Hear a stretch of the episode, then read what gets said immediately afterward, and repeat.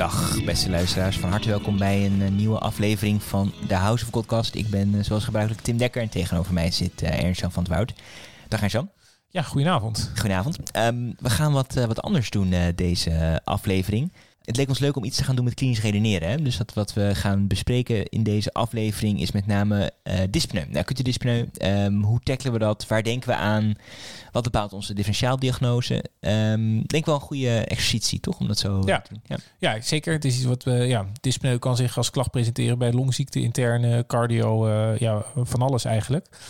En um, het is denk ik een goed voorbeeld om te kijken hoe je met je anamnese, lichamelijk onderzoek, uh, aanvullend onderzoek de voorafkant, iemand voorgeschiedenis, alles bij elkaar probeert te komen tot een, uh, ja, tot een werkdiagnose. En uh, als het helemaal goed gaat, daar dan ook een beleid uh, aan te koppelen. En ja, bij, uit, bij uitstek een, een, klacht waar je denk als schoolassistent goed mee, mee aan de slag kan gaan. Dus daar, daar hopen we jullie bij te helpen. Ja, en dan denk ik vanuit een beetje de, het scenario dat we iemand als co-assistent op de spoedeisende hulp zien. Ja. Uh, toch dat we weten van oké, okay, we gaan deze patiënt met dyspneu zien. Wat kun je als voorbereiding doen? Ja. Waar moet je op letten tijdens het anamnese lichamelijk onderzoek? Uh, wat voor beeldvorming vraag je aan? En dan een beetje wat bepaalt nou tussendoor eigenlijk alle dingen. Wat, wat bepaalt nou je denken over dit? Uh, wat bepaalt je denken? Ja. ja. En het is, het is bijzonder niet de, de, bedoeling om zeg maar elke mogelijke oorzaak van dyspneu uh, te behandelen, maar gewoon een beetje stapsgewijs door het proces te gaan. Welke dingen je als overwegingen mee kan nemen op, om tot de volgende stappen te komen. Ja. dus wij zijn benieuwd hoe het uitpakt en we horen ook graag van jullie terug wat jullie, wat jullie ervan vinden. En dan moeten we misschien maar gewoon aan de slag. Oké, dus um, stel je voor, hè, we zijn uh, co-assistent op de spoedeisende hulp. Um, en we krijgen dan een, um, een aankondiging van een ambulance die komt met een patiënt met, uh, met korte ademigheid. Of we weten, de verpleegkundige haalt net een patiënt binnen met, uh, met dyspneu. En we hebben dus eventjes een paar minuten om ons uh, voor te bereiden hierop. waar in zo'n scenario, waar let jij dan op? Waar, waar, kijk je naar? Je pakt de status erbij en, en dan? Ja, ja, dus die aankondiging zelf, daar zit natuurlijk informatie in. Vaak zitten daar vitale parameters in, waardoor je een beetje kan inschatten hoe ernstig het is of niet. Waar we het later denk ik nog wel even over gaan hebben. Um, en je kijkt ook of zo'n patiënt uh, bekend is bij jou of als de huisarts belt wat de voorgeschiedenis is. Dat is denk ik heel belangrijk, omdat je al voorafkans maakt hoe waarschijnlijk iets is. En er zijn sommige mensen die niet zo goed uh, ingestelde COPD hebben met vaak exacerbaties. Ja. ja, als die voor de vijfde keer dat jaar komt met uh, benauwdheid uh, in de winter, ja. dan zal het wel een exacerbatie COPD bij een virale luchtweginfectie zijn. En Ja, natuurlijk ja. moet je altijd je ogen open houden. Maar de, ik denk die voorgeschiedenis om de, de voorafkant te bepalen is belangrijk. Wat heeft iemand aan medicatie, uh, recente SCH en polybezoeken, recente beeldvorming bekijk ik bij dyspneu altijd. Hè. Heb je bijvoorbeeld een CT-scan met allemaal emfyseem erop? Ja, dat is een andere uitgangssituatie dan als iemand twee weken ervoor nog een uh, helemaal goede X-thorax had bijvoorbeeld. Dus dat, uh, die, uh, die dingen die, uh, die bekijk ik eigenlijk vooraf. Om een beetje een inschatting te maken. Waar moet ik allemaal aan denken? Ja. Oké, okay, dus laten we even die, misschien een, nog even inzoomen op een paar dingen in de voorgeschiedenis. Hè. Je noemde ja. eigenlijk al, hè, als er inderdaad allemaal um, longbrieven staan, laten we zeggen, dan wordt Ja. de kans dat het een exacerbatie van wat voor chronisch obstructief longlijden er is waarschijnlijker. Um, maligniteiten, um, dat is ook denk ik eentje. Dat, dat zei geloof ik al, hè, dat, dat je daar ook naar kan kijken. Dus bijvoorbeeld dan wordt mogelijk pleuravocht wordt belangrijker bijvoorbeeld Ja. toch? Of pericardvocht. Um, Ja. ja. Daar kun je dan wat meer naar... Hey, de ka- cardiale belasting is ook uh, van belang. Dus bij dyspneu Ja. kijk ik ook altijd, is iemand bekend bij de cardioloog? Is er een keer een hartfilmpje al gemaakt? Wat is erop te zien? Is er beter nog een echo gemaakt waarop uh, te zien is uh, hoe goed de functie van het hart is en hoe oud is dat, is die echo? Dus ja, het hangt een beetje af van hoeveel tijd je hebt en hoe uitgebreid iemand bij je bekend is. Maar ja, soms, uh, zeker als je wat meer ervaring hebt, op een gegeven moment ja, heb je bijna al je werkdiagnose voordat je begonnen bent. Soms, omdat, uh, omdat je al die aanvullende gegevens en de aankondiging hebt. Dus Ja. dat uh, is echt heel belangrijk. Ja, Ja. en het is ook op, goed- en bij, bij elke patiënt belangrijk om je goed te verdiepen in de voorgeschiedenis. Omdat Ja. je vaak ga je maar aan de slag. Maar het is natuurlijk wel goed om even echt alle brieven, zeker van het laatste jaar, zeg maar. ehm, ja. in ieder geval zeker die even goed door te nemen. Ja. En iemand kan natuurlijk echt acuut uh, benauwd zijn. Dan heb je ja, niet, niet zoveel. Dan word je gewoon gebeld. Er komt nu een acute patiënt aan. Ja, dan ga je daarheen. Maar als de ruimte er is, omdat de patiënt er nog niet is, of omdat de verpleging nog wat metingen aan het doen is en er niet echt die acute setting er is, dan zijn dit misschien wel de meest waardevolle minuten om te zorgen dat je tot een goed plan komt. Omdat je gewoon een beetje een beeld van de patiënt hebt van tevoren al. Ja. Dus ja, dat is de denk ik belangrijkste aan de, aan de voorbereiding. Eh, Medicatie, recente bezoeken, voorgeschiedenis, beeldvorming, ECG, echo van het hart. Dat soort zaken zou ik bekijken. En waar let je dan op bij als je kijkt naar een eerder ECG's of ehm echocardiogram of zo? Nou, als je naar een echo van het hart kijkt, dan kijk je met name naar een uh, ejectiefractie of dat mensen bijvoorbeeld uh, ernstig kleplijden hebben uh, al eerder vastgesteld. dat, dat is denk ik belangrijk. En op een ECG kan je kijken naar het ritme wat iemand eerder had, of iemand eerder ritmestoornis gehad heeft. bijvoorbeeld snel atrium of misschien wel een hele ernstige ritmestoornis zoals een ventrikeltachykardie bijvoorbeeld. En je zou ook nog kunnen kijken op het ECG of mensen eerder een doorgemaakte infarct hebben bijvoorbeeld. Ja. Dus dat zijn, dat zijn de dingen waar ik denk naar zou kijken. Hey, dus laten we zeggen, voordat je die patiënt gezien hebt, hè, uh, laten we het eerst gewoon even zo breed mogelijk houden. En um, gewoon een beetje de, de, categorieën introduceren waar je aan kan denken hè, in zo'n geval. Ja.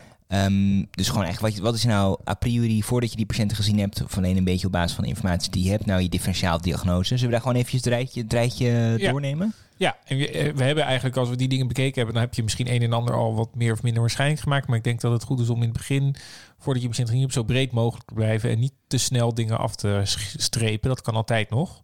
Uh, dus als het iemand is die naar de eerste hulp komt en die bijvoorbeeld ergens tussen de 1 en 48 uur ontstaande benauwdheid uh, heeft, ja, kan je een differentiaaldiagnose maken waarbij bijvoorbeeld de groep infectieuze oorzaken best, uh, vaak best hoog in de differentiaaldiagnose staat. Dus dan kan je denken aan een, uh, aan een, een, bacteriële pneumonie. Of je kan denken aan een virale luchtweginfectie. Tegenwoordig moet je uiteraard ook denken aan het uh, door ons ja, mogelijk zo voorgenomen met nooit over COVID te gaan hebben, maar COVID, COVID komen er niet helemaal aan deze aflevering, denk ik. Maar daar kan je natuurlijk aan denken.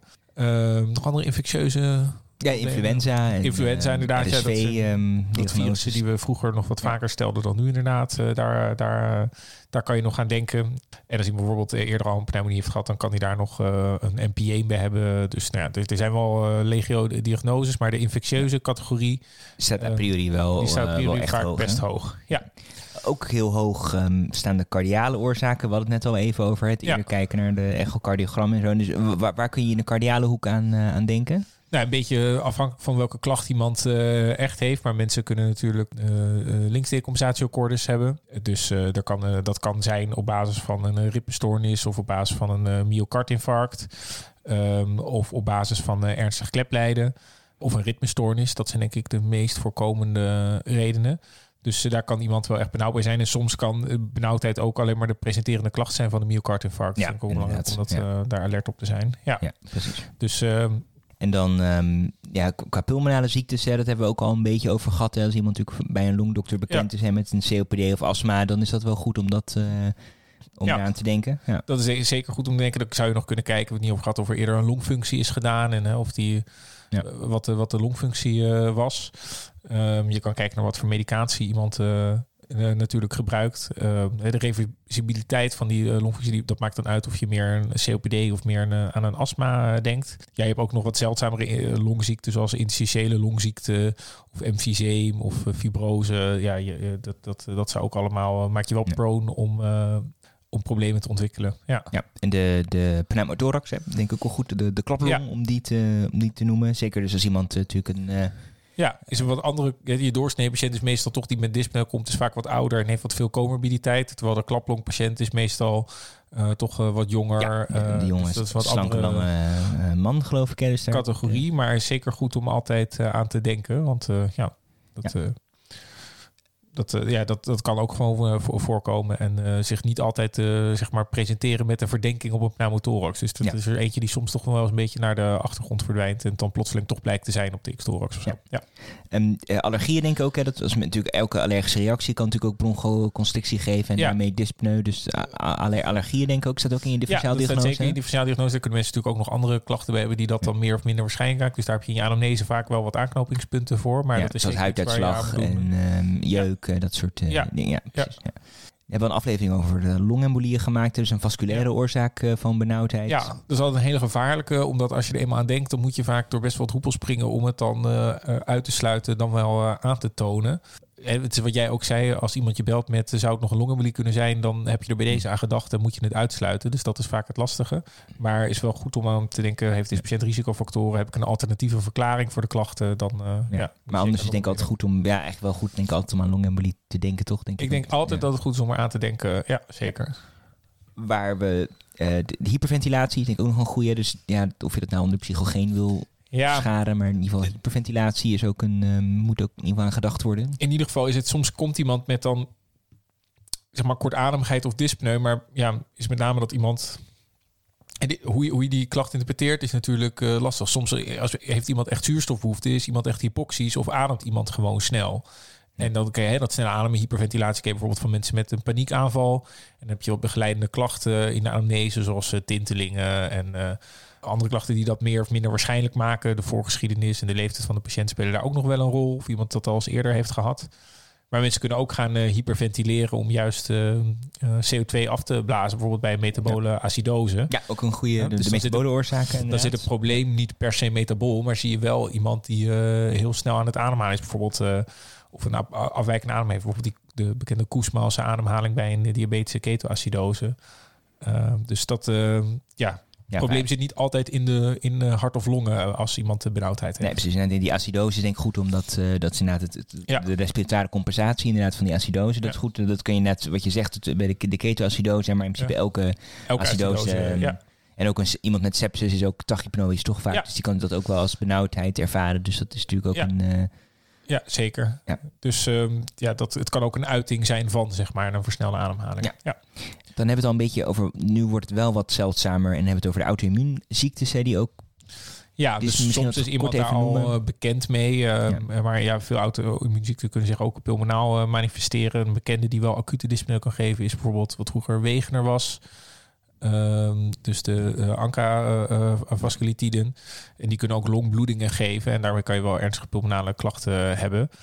Ehm, en dan verwacht je iemand die misschien ook wat meer systemische klachten of nierfunctieproblemen heeft. Of misschien al bekend is met zo'n ziekte. Ja, maar ga je vaak... Die diagnose ga je niet stellen op de spoedeisende Dat is vaak niet een eerste nee. hulp eh, diagnose. Nee, Nee. nee. maar Ja. kan altijd. eh, ja. En ook nog de, de bovenste luchtwegen. Dus bijvoorbeeld als er ja, toch een obstructie in het, in het KNO-gebied eh, zit, om wat voor reden ook. Dat is misschien ook goed om die Ja. ook in je, in je differentiaaldiagnose hè, voor, eh, voor dyspneu. ja, als het goed is, wordt dat wel een beetje op tijd gefilterd. En ben je misschien niet direct als uh, maar als een interne dokter erbij be- betrokken. Maar ja, zeker bij KNO of eerste hulp of IC kan je daar wel mee geconfronteerd werden met, met mensen die een bovenste luchtweg problemen hebben door.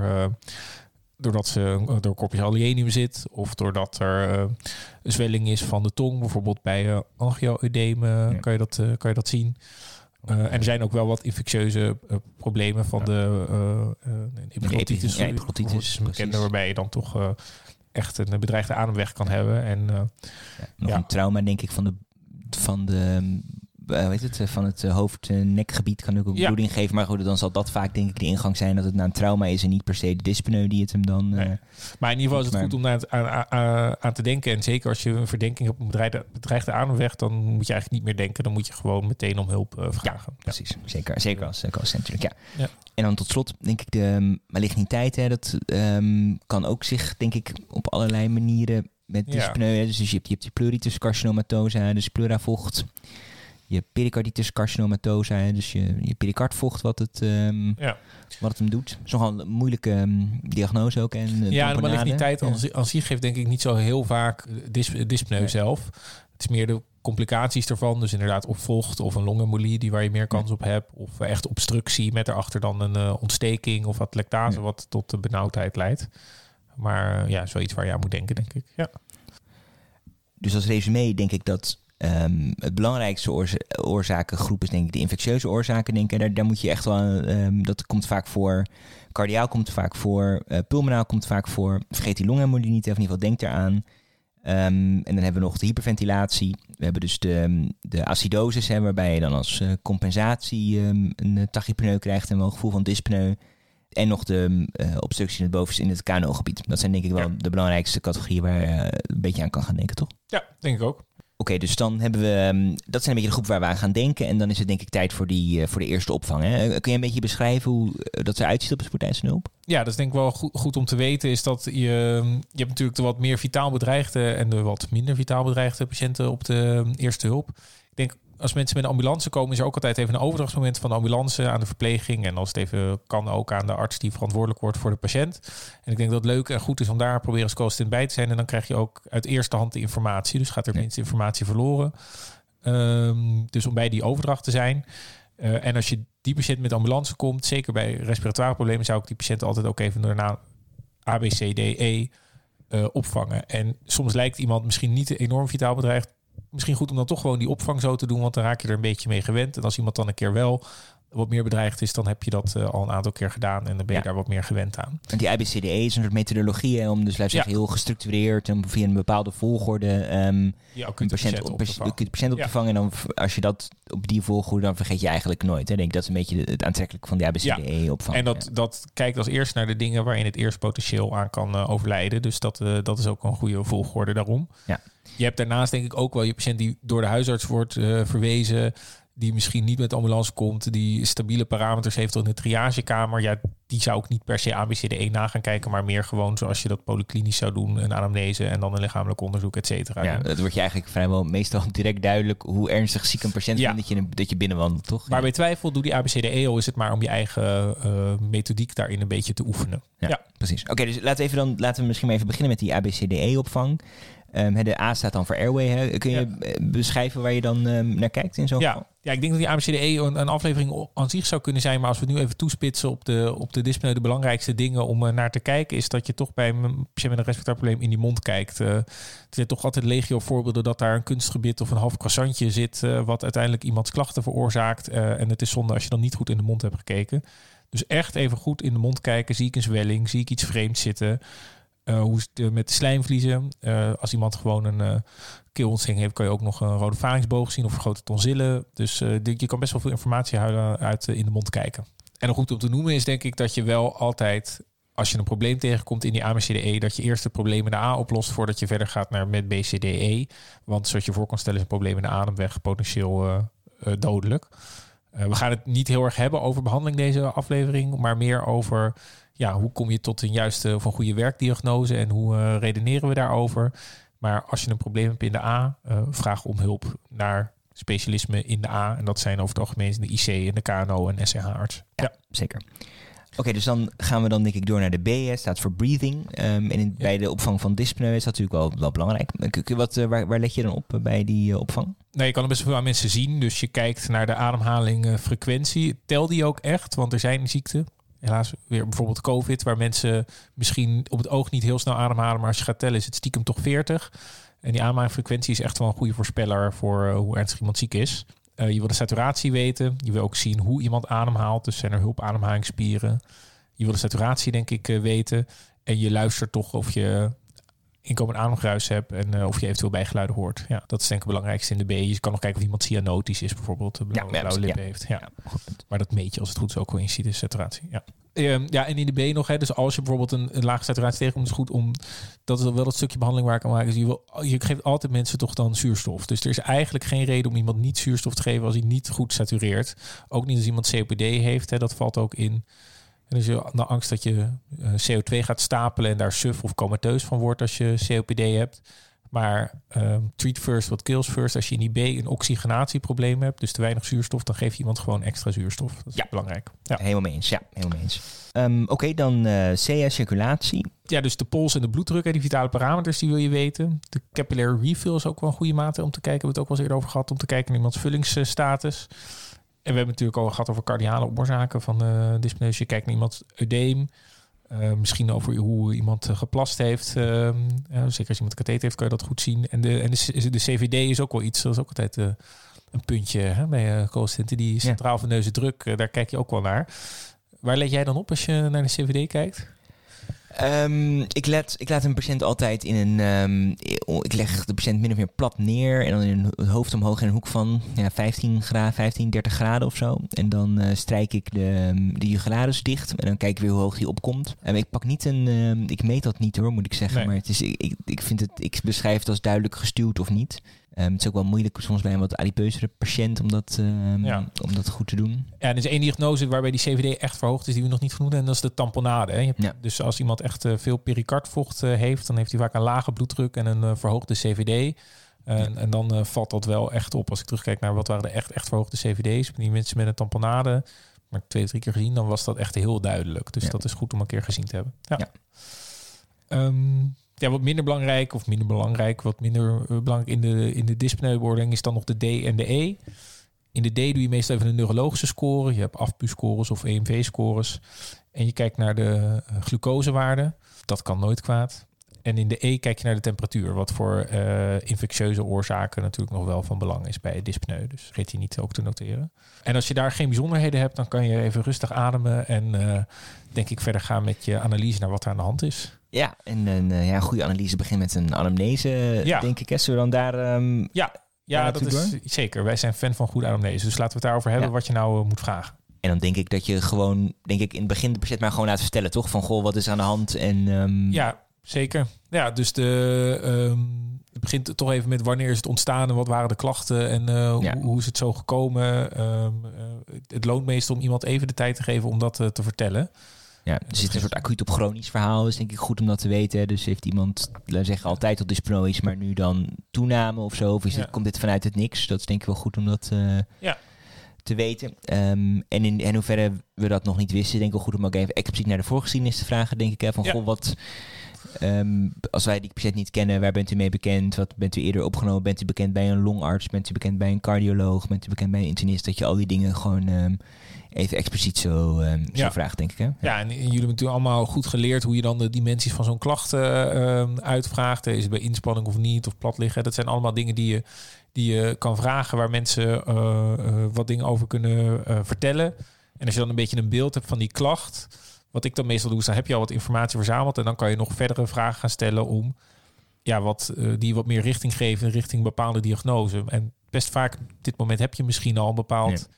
idee wat het zou kunnen zijn. En dan probeer je wat argumenten te verzamelen die dat of ondersteunen of uh, ontkrachten die anamnese, denk ik. Hè? Ja, dus stel je voor, hè, we, we, we denken aan een, uh, aan een pneumonie bijvoorbeeld. Hè. Wat ja. zijn dan de klachten die jij, um, wil, die jij hoort dan ja, op zo'n moment? Nou, het zijn misschien wat open deuren, maar dan verwacht je dat iemand hoest, uh, dat iemand het liefst koorts heeft. Koorts is echt lekker, want koorts maakt... dat is gewoon meetbaar en dat maakt toch een hoop dingen alweer wat minder waarschijnlijk. En met name die infectieuze oorzaken waarschijnlijker. Ja. Um, als je mensen sputum hebben, als je echt een hoge verdenking hebt, wil je natuurlijk ook weten van welke verwekker zou het kunnen zijn. Dus dan uh, vraag je nog expositie uit aan reizen, sauna, uh, dieren, zieken in de omgeving, dat soort zaken. Ja, we gaan nog een keertje een pneumonie-aflevering maken, Zeker, denk ik. Waarin denk we al deze dat is, exposities uh, gaan toelichten. Maar dat is denk ik belangrijk, uh, ja. ja, dan mag je vragen of de patiënt een zieke papegaai heeft of zo. Ja, dat, ja, zeker. Maar nee, dus in die anamnese zijn zeker leuke dingen te vragen met pneumonie. Maar dat zijn een beetje de dingen die je, die wat meer die kant op sturen, denk ja, ik. Met name ja. hoesten, koorts, sputum. Hè. Dat zijn denk ik Ja. een beetje de dingen die je aan pneumonie Dat is doen, belangrijk, eh, denk ik. ja. Ja. En dus de... de um, ja, en natuurlijk ook nog hè, de, de, de virale luchtweginfecties, hè, die misschien niet per se een pneumonie zijn, maar dan Dus uh, klopt. En dan vraag je misschien meer naar of er ook verkoudheidsklachten zijn, of sinusitisklachten, of er zieken in de omgeving zijn, of mensen KNO-klachten hebben. Dus uh, uh, dat soort zaken. Uh, bij algemene virusinfecties, bij griep kun je nog vragen naar spierpijn, malaise, dat soort dingen. Ja. Ja. Nu die ene infectieziekte waar we het liever niet over hebben, hè, maar daar heb je wel een specifieke anamnese voor, eh, denk ik. Dat met Ja. name dat, dat, dat smaak en, en in ieder geval met name die smaakverlies, hè, dat dat wel typisch Ja. is voor een COVID-19 infectie. Een positieve zelftest schijnt ook nog wel uh, te waars- waarschijnlijker te maken. Oh, ja, ja? oké. Ja. Ehm, en dan uh, en is iemand gevaccineerd natuurlijk ook? hè? Ja. Is dan een uh, Doorgemaakt. geboosterd? Eerste ziektedag vinden we natuurlijk nog belangrijk bij COVID. Dus daar zijn wel wat dingen die, ja, die daar belangrijk in zijn, denk ik. Ja. Ja, dus dat is de infectieuze hoek. Um, stel je voor, hè, we, we vinden het um, bijvoorbeeld in, in de cardiale hoek. Wat zijn de vragen die je daar stelt uh, bij dyspneu? ja, dus of het denk ik bij inspanning is of niet, of bij plat liggen. Um, gewicht is altijd wel iets handigs. Hè? Mensen die snel veel aankomen, dat is eigenlijk bijna altijd vocht. Um, of mensen cardiaal bekend zijn, of ze pijn op de borst hebben gehad, of hartkloppingen. Ja, vocht in de benen, ga je natuurlijk ook naar kijken. Maar dat, uh, ja. Um, en of ze hun pillen goed hebben genomen, is denk ik Ja. ook heel belangrijk. Want juist uh, bij uh, hartpatiënten kan, je dan, kan het daar nog wel eens in misgaan. Ja. Ja. Dus dat zijn denk ik wat dingen die ik daar zou willen weten. Ja. Dan hebben we natuurlijk volgende categorie, hè, maar de longembolie hebben we natuurlijk net een aflevering um, ja. over gemaakt. Maar dan een hele typische uh, longembolie anamnese is er denk ik niet. Hè, maar het is hier met name dan van belang om naar risicofactoren te vragen. Dus uh, die grote operaties waar we het eerder over hadden, dat is uh, ja. van belang. Um, gebruikt iemand al bloedverdunners natuurlijk, want dat maakt ja. natuurlijk een, een, een longembolie veel minder waarschijnlijk als iemand al om wat voor reden dan ook een uh, gebruikt. Um, maligniteit, uh, anticonceptiepillen, recente reizen um, en helemaal op twee. Dat, dat, die is ja, dus die is heel specifiek, niet ja. zo sensitief, maar, maar heel uh, specifiek. Zeg het goed? Ja, het is heel specifiek, weinig sensitief. Ja, helemaal op twee. Ja, precies. Dus, uh, en, en pijn bij de ademhaling is altijd waar, waar die verdenking longembolie mee komt. Dat differentieert ook niet heel erg, maar nee. daar moet je wel aan denken. Dat kan bijvoorbeeld ook bij een pneumonie met pleurale prikkeling of bij uh, pneumothorax, kan bij van alles eigenlijk. Pijn bij de ademhaling, dat is ook wel iets. Ja, speaking of which, de pneumothorax, welke anamnese uh, zou je daar um, verwachten? Ja, of iemand het eerder heeft gehad, is denk ik van belang. Um, het zit niet echt in de anamnese om naar postuur te kijken, maar je wil wel, ja, wat voor iemand heb je tegenover je? De, ja, daar kijk je toch al heel snel naar. Mensen met bijvoorbeeld emfyseem hebben meer, meer risico erop. Uh, pijn. Of het acuut ontstaan is. Het is echt al een, ja. vaak een acuut verhaal. Uh, die, uh, echt een acuut verhaal. Ja, je ziet ook wel vaak in dat mensen die dat zo vaak al gehad hebben. Dat is, ja. Ik heb nooit gehad dat het echt een hele spannende... Ik heb één keer iemand gehad die had een pneumothorax was gerelateerd aan de menstruatie. Die had endometriose. Oh, ja. Nou, en die kreeg dan één keer per maand een pneumothorax. Ja. Dat was wel bijzonder. Maar verder was het meestal, wist je het eigenlijk al voordat je de patiënt gezien had. Ja. Um, Oké, okay, dan hebben we nog de, laten we zeggen, als het wat meer vanuit um, van hyper hyperventilatie komt, hè, dat iemand, ja, iemand die waarschijnlijk over het algemeen een wat jongere patiënt zonder al te veel voorgeschiedenis en die tintelingen en krampen zijn net in, die, die, dat zie je daar wel vaak. Ja, ik had, de eerste keer dat ik had ook als coach en dan was er zo'n soort kaartje met klachten die erbij pasten. En toen had ik een patiënt die had het allemaal. Dat was wel prettig. Uh, maar inderdaad, met name die tintelingen rond de mond en in de hand en zo, dat, uh, ja, dat, dat, dat is dan echt best wel typisch. En uh, inderdaad, het verhaal van de voorgeschiedenis. En ook gewoon eerlijk benoemen of mensen veel stress hebben of een reden hebben om te hyperventileren. Dat is denk ik belangrijk ook nog misschien wat nooit kwaad kan, is ook om naar uh, medicijnen te vragen of nieuw medicijngebruik, met name nog in het kader van die allergieën. Ja. Uh, dat is denk ik goed om daar ook uh, aandacht voor te hebben. Ja, je, je vraagt ook altijd naar wat, welke medicatie iemand gebruikt in principe, maar zeker met name nieuwe medicatie, dat is nog wel een goed... Ehm, ja, en voedselallergieën zou ik ook nog vragen of mensen uitslag hebben. Bijvoorbeeld als je meer in die allergische hoek denkt, dan uh, zou ik inderdaad uh, die, die kant ook wel op gaan. Dus ja, en het is denk ik vooral belangrijk om, om je, en je vindt iets meer of minder waarschijnlijk, daar ga je dan wat dieper op in. En zo probeer je, als je het allemaal uitgevraagd te hebben, eigenlijk die, die, die lange lijst die we net hadden van acht of negen groepen, dat je hopelijk terug kan naar ja, alleen een aantal diagnoses binnen één groep of misschien twee of drie groepen. En uh, daarop gespitst kan je dan ook verder gaan met je lichamelijk en aanvullend onderzoek. Dus, um... Speaking of which, lichamelijk, uh, lichamelijk onderzoek. Zullen we dan daar naartoe uh, door? Ja. We hebben natuurlijk al een ABCDE-opvang gedaan. Hè, dus dat is natuurlijk voor eigenlijk met name voor het stabiliseren van een patiënt bedoeld, denk ik. Maar je, je komt er ook al wel achter wat, um, wat diagnostische informatie. Maar laten we zeggen, hè, we hebben even de tijd, de patiënt gestabiliseerd. En we hebben even tijd voor een goed um, lichamelijk onderzoek. waar kijk je dan naar, Enshan? Ja, ik kijk meestal als eerste naar een algemeen indruk, maar ook wel naar de vitale parameters. Die zijn bij die ABCDE-opvang wel aan bod gekomen, maar dat is denk ik misschien goed om nog heel even bij, bij stil te staan. Want die sturen vaak ook wel een beetje een kant op. Saturatie, belangrijk hè? Denk ja. de, de belangrijkste parameter in dit, um, in dit geval. Ja, en die differentieert misschien nog niet heel erg, want je saturatie kan laag zijn bij decompensatieakkoorden en bij een longembolie en bij een pneumonie. Maar het is wel goed om de ernst in te schatten, denk ik. En hetzelfde geldt denk ik voor de ademhalingsfrequentie. En dan zit je denk ik boven de 20 of zo. Hè? Dat is een beetje een moment dat je toch wel snel over een versnelde ademhaling, ja. denk ik. Hè? Ja. ja, en als je meer richting de 40 gaat, dan ga je richting respiratoire insufficiënt. En dan heb je wat minder tijd om alles netjes uit te zoeken. Maar moet je ook wel handelen. ja. Bloeddruk, met name bij patiënten met, met uh, acuut hartfalen kan nog wel eens heel erg hoog zijn, hè, die, die bloeddruk. Dus dat... Ja, dus als jij iemand hebt waarvan je al voorbereid hebt gezien, die heeft een slechte linkerkamerfunctie. En die komt binnen en die had bij eerste in, uh, opvang hè, had die crepitaties. En die heeft nu ook een bloeddruk van 200 over 100. Ja, dan heb je al best wel wat aandelen uh, decompensatieakkoorders verzameld. En dan is dat misschien wel je meest waarschijnlijke diagnose. Ja, ja. temperatuur. Dus we hadden natuurlijk net over al um, ja. bij de, in het kader van koorts bij uh, een, ja. een, infectie natuurlijk. Sluit het niet uit dat het een infectie is als je temperatuur normaal is. Maar 39,4, ja, dan versmalt je differentiaaldiagnose wel behoorlijk. Ja. ja. En de pols is denk ik ook wel van belang. Als je ja, iemand opeens een hele forse tachycardie heeft, dat kan secundair zijn aan.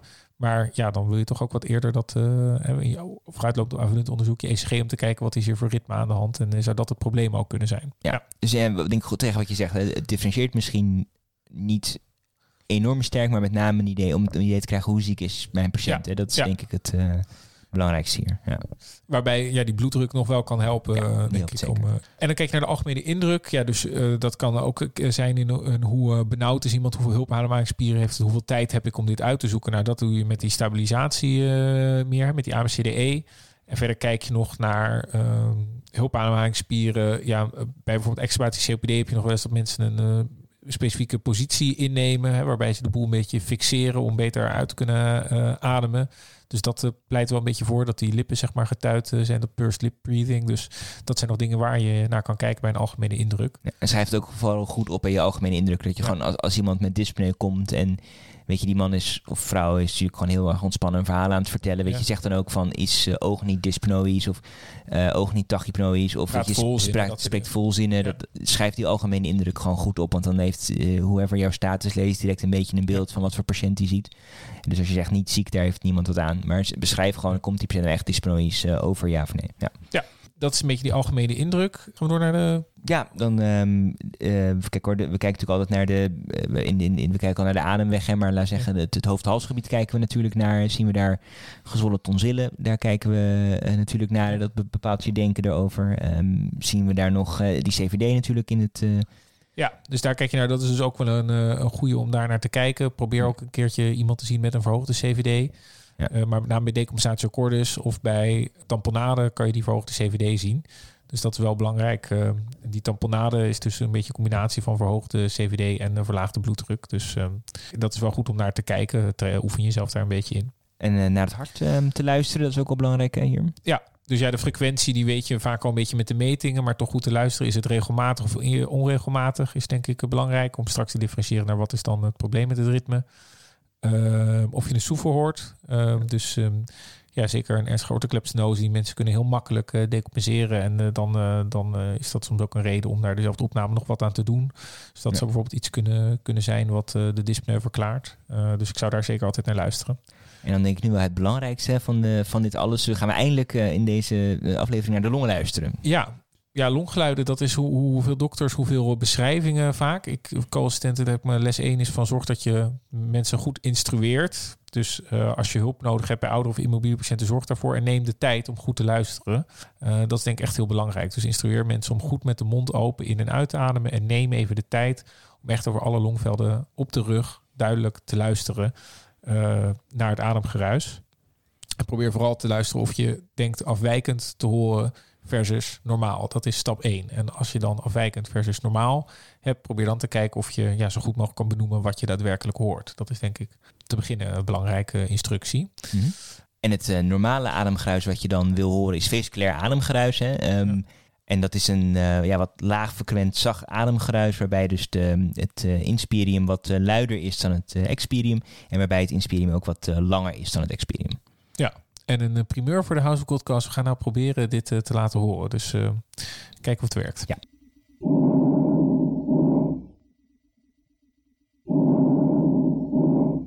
De, de tegenhanger hiervan is dan bronchiaal ademgeruis, hè, waarbij het experium dan wat luider is en ook wat langer hoorbaar uh, is dan het inspirium. Ik moet zeggen, ik heb nog nooit een diagnose gesteld op de aanwezigheid van bronchiaal ademgeruis. Misschien schofferen we nu een longarts, dan mijn welgemeende excuses, maar ik ook niet. Nee. nee. Oké, okay. wat wel belangrijk is, zijn bijgeluiden. Uh, dat is zeker belangrijk. Um, ik denk meest gehoord wel zijn crepitaties. Dus misschien goed om die ook even te laten horen. Heel graag. Ja?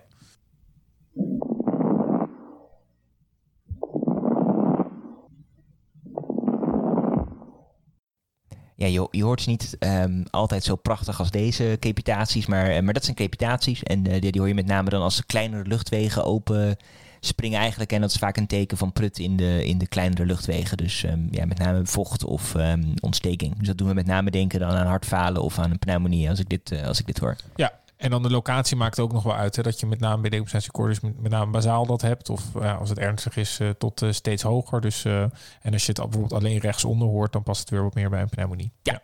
Um, nog andere bijgeluiden die we nog even willen horen? Rongi, hebben we daar ook een even mooie opname van? Ik denk het wel.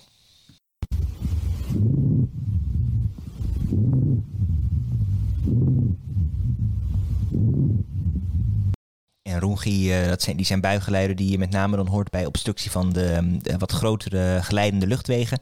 En dus als die uh, luchtwegen door een vernauwing wat dichter tegen elkaar aan liggen, dan, ja, dan, dan ontsta, ontstaat dit ademgeruis. En dat kan je bijvoorbeeld zien bij, ja, bij slijmvlieszwelling of wat uh, mucus, dat soort uh, dingen. Tumor kan je het volgens mij ook wel zien. Maar met name de grotere geleidende ja. luchtwegen die geven dit. En het is vooral wat, wat continuer dan, dan crepitaties aanwezig. Hè? Dat maakt, vind ik ook altijd wel wat makkelijker onderscheidend dan ja, precies. de twee. Ja. En ik denk dat met name de ziektebeelden waar je dit hoort, ik denk met name dan um, COPD bijvoorbeeld, daar hoor je vaak, hoor je ja. vaak rond. Ja. En dan Iets laatst wat je misschien nog wel vaak bij uh, COPD hoort... is een verlengd uh, piepend uh, expirium. Dat vind ik ook altijd wel ja. karakteristiek. Zeker. Astma COPD hoor je dat astma COPD En ook, ook bij astma cardiale natuurlijk. Dat is op zich ook astma. Ja, dat piepen kan inderdaad ook bij een astma cardiale zijn. Dus dat is soms nog wel een instinker. Maar dat, dat is ook nog wel belangrijk, denk ik. Ja, hebben we daar ook... Um... Zal ik eens even kijken wat daar een geluidsfragment van hebben?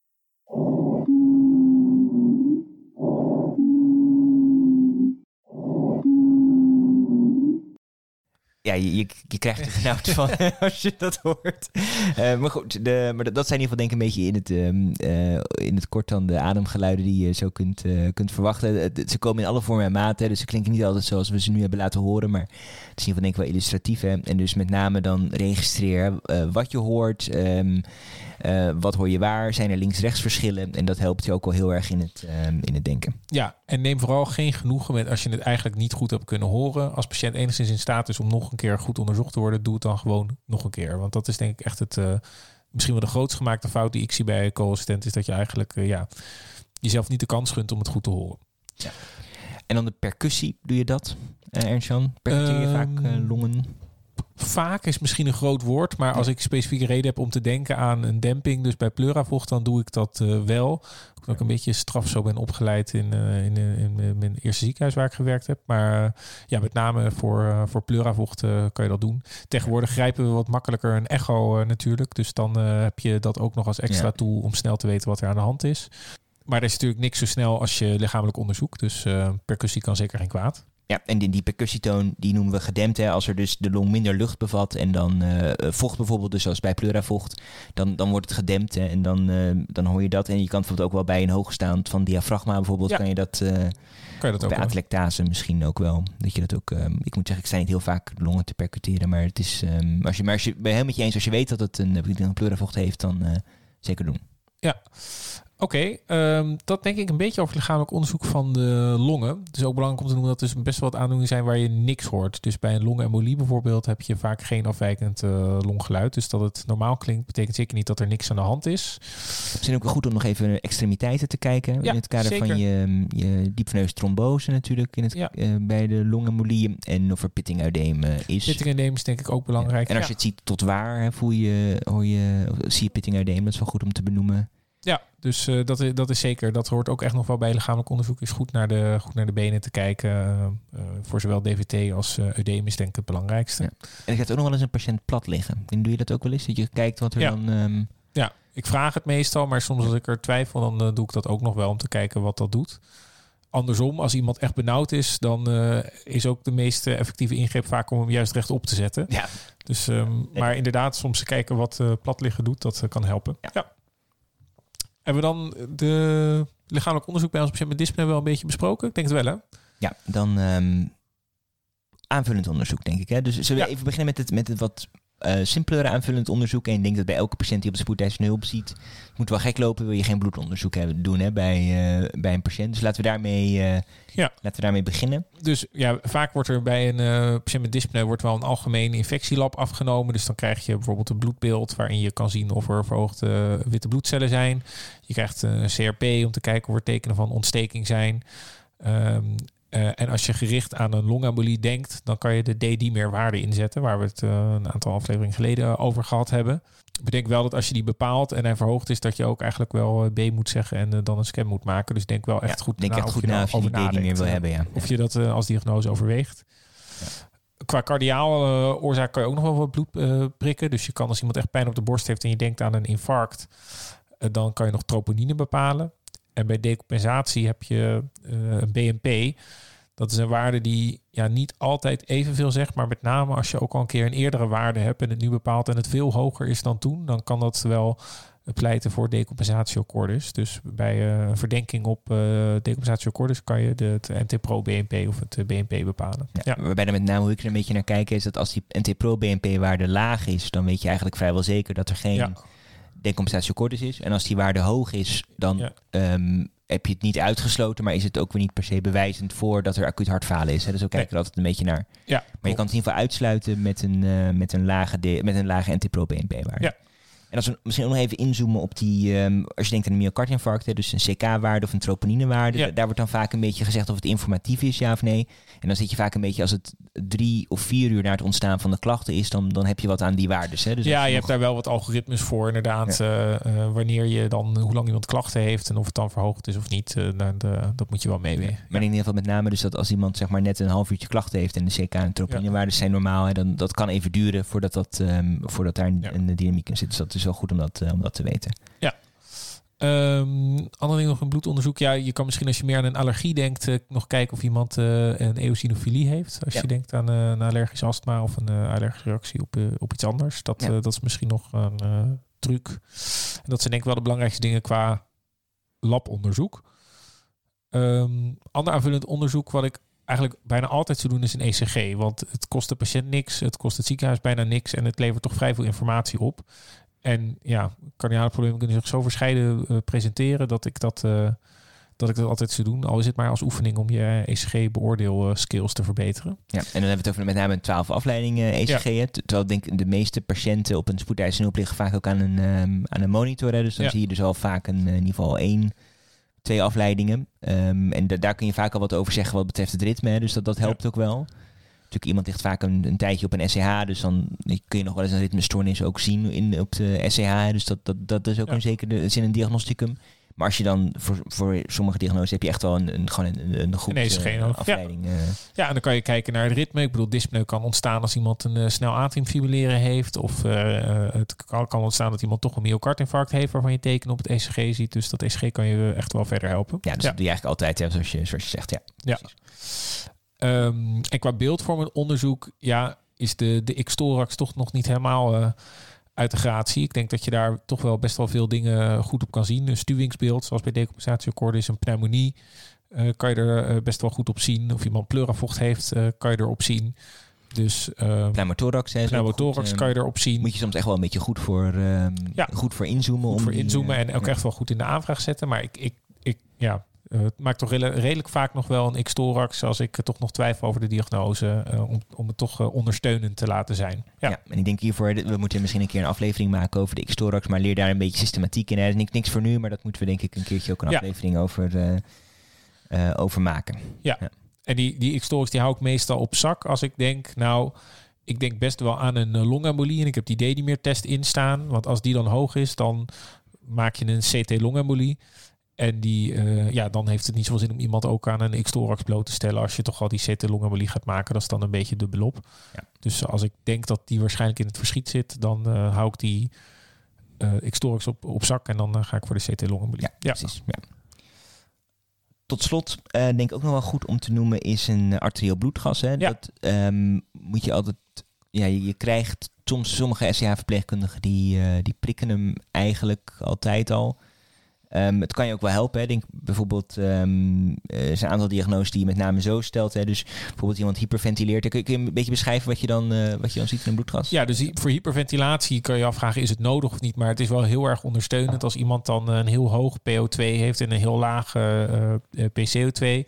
Dan, eh, ja, dan is dat wel eh, verdacht dat dat een, eh, een hyperventilatie is. Eh, ja. En bij COPD-patiënten vind ik ook een bloedgas wel fijn om te hebben. Hè. Dus dat, we hebben het even eerder Ja. gehad hè, over die stapeling van CO2. Maar daar is... ehm, ja, ehm, dus als mensen dan, dan, dan eigenlijk al langere tijd misschien een chronisch wat verhoogd eh, CO2 en verhoogd bicarbonaat hebben. En je kan ook kijken naar oudere bloedgassen of mensen eerder CO2 hebben gestapeld als ze op moesten worden genomen met zuurstofbehoeften. Dat, ja, dat, dat vind ik inderdaad ook wel prettig eh, om het dan te hebben. Ja. En wat ik ook altijd wel, daar, daar kom je vaak of nog wel eens in met een bloedgas achter, is met name die metabole oorzaken. Die zijn een Ja. beetje ondergesneeuwd, maar je hebt nog wel eens mensen die zijn heel tachypnoïs, maar die hebben een saturatie van 100%. Hè, dus die zijn in, ja, dus dan denk je, hey, die, die patiënt ziet er echt wel een beetje oncomfortabel uit, maar satureert 100%, dat is hij aan de hand. En dan kan het dus met name, dan helpt een bloedgas om te kijken van is hier misschien wel een acidose en is die tachypneu dus eigenlijk een compensatiemechanisme eigenlijk voor die acidose. En daar kom je vaak met een bloedgas, dan doe ik altijd wel een bloedgas om te kijken naar, de, naar een zuurbase stoornis. Ja. En het is denk ik zeker als je als uh, co-assistent begin een assistentenpatiënt ziet ook gewoon best wel aardig. Je hebt super snel altijd de uitslag van zo'n bloedgas. Uh, zeker op een eerste hulp. Je kan hem zelf prikken. Je krijgt zelf meteen de uitslag. Dus uh, het geeft je met, op korte termijn heel veel informatie. En dat kan wel echt wel heel nuttig zijn. Zeker Ja, bij de acute zieke Ja, patiënten. want los van een PO2 en een PCO2 krijg je ook natuurlijk je HB, je natrium, je kalium, lactaat krijg je er allemaal eh, Ja. bij. Dus je hebt direct eigenlijk wat informatie en dat is wel eigenlijk wel, wel prettig. Ja, zeker. Dus ehm, ik zou dat, eh, ja, zeker bij de wat acutere patiënt of bij een specifieke gerichte vraag, zou ik, die, eh, zou ik dat bloedgas Ja. wel doen. En nog, ook nog, we hebben het eigenlijk nog niet zo genoemd over de koolstofmonoxide-intoxicatie en de methemoglobinemie. Het gaat nu een beetje ver, maar we zeggen dat, dat dat zijn dingen die je ook eigenlijk vaak alleen maar met een, Ja. met een arterieel bloedgas Ja, op dat kan ook Dus dat is goed om eh, te noemen. Ehm, is dat denk ik het belangrijkste aanvullend onderzoek? Ja, dat denk Ehm, ik wel. Ik denk het wel. We raken dus niet echt aan de echografie op de eerste hulp, maar dat wordt wel relatief vaak ook gedaan. Hè? Dus kijken, is er pleuravocht? Je kan ook met een echo eh, eh, best goed eh, zeggen of er tekenen zijn van overvulling of juist van een pneumonie. En je kan ook naar de vena cava kijken om een beetje wat te zeggen over de vullingsstatus van de Ja. patiënt. Pericardvocht kun je ook. Pericardvocht. Dus ehm, dat komt er meer en meer in trek, zeker bij de spoedeisende zorg. Eh, dus met een echo kan je ook eh, snel veel informatie verkrijgen. Dus dat is ook wel eh, iets wat je in kan zetten op de eerste hulp. Ja, En hebben we nu wel een hoop informatie gegeven hè, van hoe wij, wat voor informatie wij willen verzamelen als we een patiënt zien op de spoedeisende hulp. Wat zou je iemand nou met name willen meegeven ehm, bij dit alles? ja ik hoop dat we een beetje inzicht hebben gegeven in hoe je nou een beetje redeneert en welke informatie je wil vergaren. En dat je eigenlijk elke stap onderweg probeert het aantal potentiële diagnoses te verkleinen om uiteindelijk tot een, eh, een werkdiagnose te komen. Ehm, en ik denk dat we heel veel informatie hebben besproken, zonder dat je natuurlijk alles van dyspneu kan bespreken. Maar hopelijk eh, ja, geeft een beetje inzicht in in wat je een bepaalde kant op kan sturen. En ik denk dat het goed is om te beseffen dat, hoewel niet alles altijd in een specifiek patroon past, het wel goed is om aan bepaalde patroonherkenning te doen. Dus als je die patiënt krijgt die recent een heupoperatie heeft gehad en plotseling benauwd werd en pijn had bij de ademhaling, ja, dan dat verhaal stuurt al best wel richting eh, longembolie. Dus richt je daar dan ook op bij de rest van je anamnese, lichamelijk onderzoek en aanvullend onderzoek. En vergelijkbaar als je iemand hebt die koorts heeft en hoest en, en eh, plots benauwd is en sputum, groen sputum opgeeft, ja, dan denk je wat meer aan een pneumonie. Dus dan stuur je daar wat meer op in je anamnese met een expositieanamnese en met je lichamelijk onderzoek, dat je even extra goed luistert of je ergens wat hoort. Eh, en dan maak je een foto. En eh, als je meer aan de cardiale oorzaak denkt, dan maak je eerder dat eh, ECG. En dan ja, op die manier probeer je elke keer aan die patroonherkenning te doen om, om, om ja, toch al zo snel mogelijk een beeld te hebben van wat er aan de hand kan zijn. En als je dan alle informatie vergaard hebt, dan probeer je te kijken, oké, wat vind ik echt de meest waarschijnlijke diagnose? En dat je daar ook je behandeling op, eh, op richt. Ja. en heel vaak kom je er ook niet per se achter hebben spoedeisende hulp. Nee. Dus iemand gaat vaak met een werkdiagnose of een waarschijnlijkheidsdiagnose. hè. Dus schrijf denk ik ook zo op van ik vind het nu het meest waarschijnlijk bij een pneumonie, maar mogelijk nog eh Ja. hè, decompensatio cordis. Of schrijf het ook denk ik gewoon zo op hè, wat je overwegingen zijn en wat je het meest... Ja, vooral ook omdat ja. als iemand nog maar kort klachten heeft, dan heeft soms moet je de, de kliniek ook even de kans geven om de kleur te bekennen en te laten zien wat er, wat er aan de hand is. Ja. En het is dan misschien ook nog goed om de therapie als diagnosticum ook al een beetje te noemen. Hè. Dus je, je- dat loopt vaak een beetje door elkaar heen. Hè. Zeker bij zo'n Ja. ABCDE-opvang. Maar ik denk ook wel vaak, hè, natuurlijk als je iemand hartfalen heeft en je geeft diureticum, een diureticum en iemand gaat dan heel veel snel beter. En Ja. voor je het weet zit een katheterzak vol met eh, witte of met, met eh, heldere urine. Dan weet je, ja, dat is ook wel vaak een ja, dat klopt. bewijzend hè, voor die diagnose. Dus het loopt ook wel een beetje door elkaar heen, dat diagnostische traject. En het, Ja, eh, en als iemand heel erg ver- verbetert op de verneveling bij een extrematische COPD, dan pleit dat ook wel voor. Dus er zijn wel inderdaad een aantal dingen die je snel kan doen, die ook wel een diagnose waarschijnlijker maken. Ja, En ik denk met name iets, eh, je gaat het vaak zien en dan op een gegeven moment en dan eh, zie je, eh, kijk je al gewoon door, het, door de deur en zie je, oh, dit is duidelijk een exacerbatie COPD. ja dat is waarschijnlijk ook weer een valkuil dat, eh, dat, dat je het op die manier doet. Maar eh, inderdaad, je eh, wordt, je wordt er wel steeds sneller, juist omdat je die patronen herkent. En dan, eh, ja, dan zie je dat de informatie die binnendruppelt elke keer weer je meer richting je diagnose stuurt. En dan, eh, ja. Denk ik dat we er nu voor deze aflevering ehm, zo zijn, of niet? eh, denk ik. Ja, ja, ik ben benieuwd. eh, we moeten het zelf natuurlijk ook nog even terugluisteren. Maar of het, eh, hoe, eh, hoe het bevalt om zo'n klinisch probleem meer aan te vliegen. Wat jullie, wat jullie daarvan vinden. En ja, als het bevalt, om dan te kijken welke andere klinische problemen we nog. Ja, inderdaad. bespreken. Ja, zoals, Ja. Eigenlijk, eh, zoals altijd eh, zijn wij ehm, eh, beschikbaar via houseofpodcast.gmail.com um, of via Instagram kan natuurlijk, kan natuurlijk ook. Volg ons ook op Instagram en dan ben je altijd op het hoogte van het laatste nieuws over de, de podcast. En like ons dus op, op Spotify. Sommige mensen doen dat ook, waarvoor hartelijk dank, wordt heel erg gewaardeerd. Ehm, en vooral door Tim. vooral door mij. Ehm, en ja, dan zien we jullie denk ik de volgende keer. Hartelijk dank de voor het luisteren. Bye bye.